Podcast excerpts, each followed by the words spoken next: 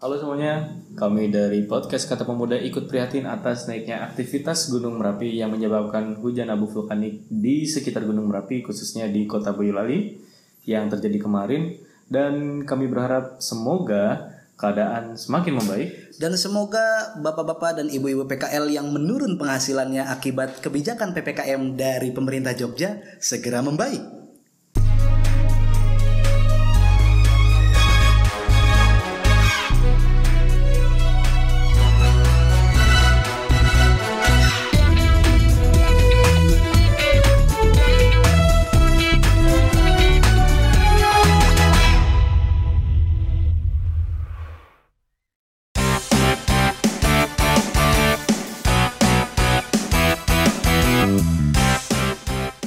Halo lu semua lagi dengerin podcast Kata Pemuda episode khusus, episode yang akan membahas isu-isu yang terjadi di sebulan terakhir dibacakan oleh saya kawan Faris. dan saya kawan Akbar. Oke, langsung saja kita mulai untuk berita yang pertama.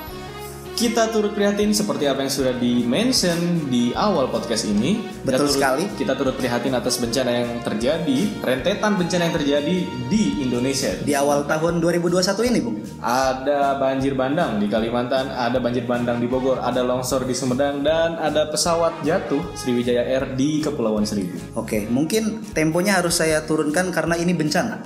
Iya. Jangan seperti me- apa namanya memamerkan barang dagangan. Ya, jadi kami turut prihatin atas terjadinya berbagai bencana yang terjadi di Indonesia. di banyak daerah di Indonesia. Semoga eh, bencana-bencana tersebut se- Bisa- bisa, segera ditanggulangi oleh pihak berwajib dan juga pemerintah. Semakin tanggap karena bencana ini bukan sekali dua kali terjadi di bumi Indonesia. Tapi setiap tahun Tapi itu juga tidak mengurangi rasa solidaritas yang terjadi yang dilakukan sama teman-teman kita. oleh teman-teman terutama teman-teman mahasiswa. Yo, Hmm, Banyak teman-teman khususnya di Jogja itu setiap hari mereka tidak kenal lelah, tidak kenal panas, tidak kenal hujan, menggalang dana untuk disalurkan kepada korban yang mengalami bencana. Sejak awal Januari banyak banget mahasiswa-mahasiswa di Jogja yang turun ke jalan Betul yang sekali. biasanya demo Betul sekarang sekali. juga turun ke jalan untuk membuat aksi solidaritas Betul. dan mengumpulkan dana dari pengguna jalan untuk disalurkan ke korban-korban bencana. Oke, sangat mulia sekali. Berita selanjutnya ada apa lagi nih? Berita selanjutnya ada pelantikan Joe Biden. Gimana? Pelantikan Joe Biden akhirnya Amerika Serikat negara adidaya Waduh. sudah mempunyai presiden yang baru, sudah resmi. Alhamdulillah. ketika presiden yang sebelumnya menjabat twitternya disuspend dan Amerika akhirnya Punya. punya pemimpin baru Yang akhirnya mengganti Donald Trump sebagai presiden Amerika Serikat. Walaupun pada akhirnya Joe Biden banyak yang bilang akhirnya sama aja.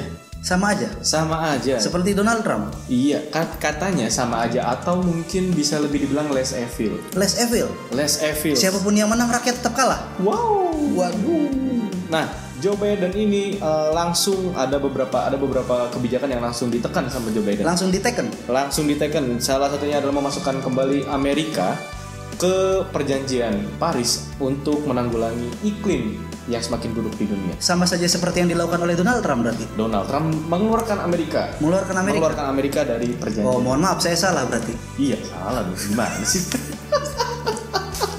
selanjutnya ada berita lagi ya bro Selanjutnya ada berita yang kemarin viral banget Salah satu ada gentrifikasi yang dilakukan oleh Kristen Grey Eh, kok Grey?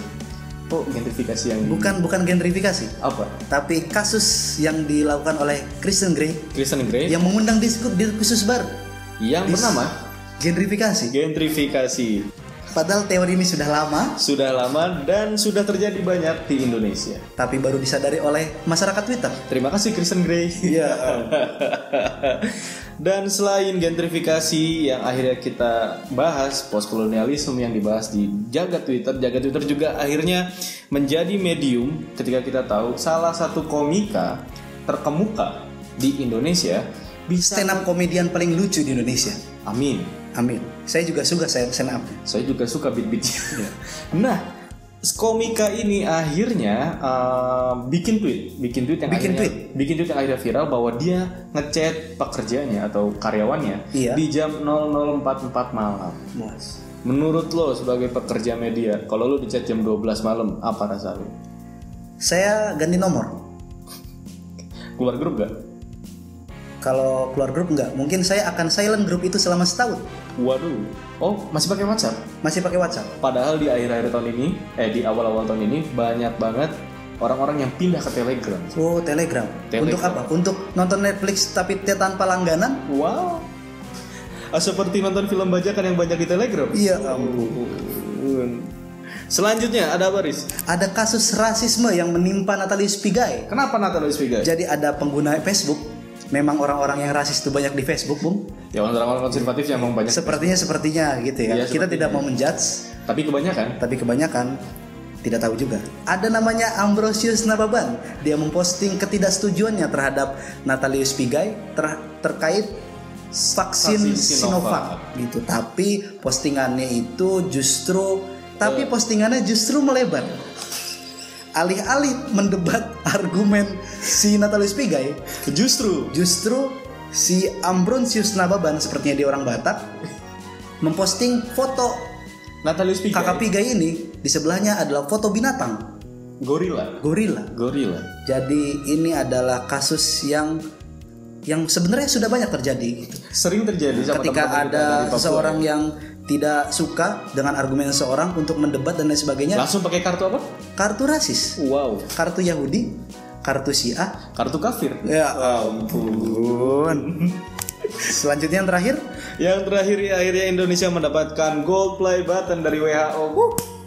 Tepuk tangan dulu karena Indonesia tembus 1 juta kasus COVID-19. Indonesia ini memang patut dibanggakan. Alhamdulillah. Mereka setiap tahun selalu mencetak sejarah, selalu mencetak prestasi yang membuat mata dunia terbuka lebar.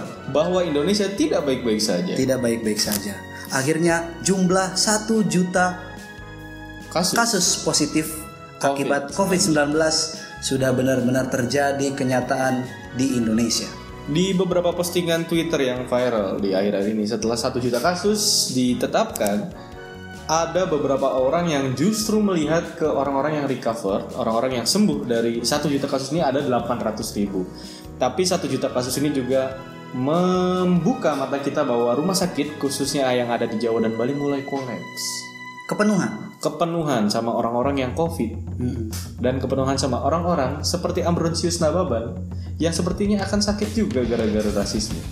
Tapi sepertinya saya kira ini tidak akan membuat pemerintah akan menanggapi secara lebih serius lagi. Kenapa Bung Farid? Karena Indonesia bukan negara yang paling parah COVID-nya. Masih ada yang lebih parah. Nah, jadi prinsipnya yang penting Anda bukanlah orang yang paling goblok.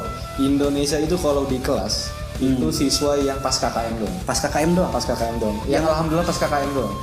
Yang kalau di kelas itu kalau Indonesia jadi mahasiswa dia itu kalau dapet C udah nggak bakal ngeluh. Makanya saya bangga sebagai fans West Ham United gitu. Kenapa? karena ya sama kayak Indonesia nggak apa-apa goblok yang penting nggak degradasi.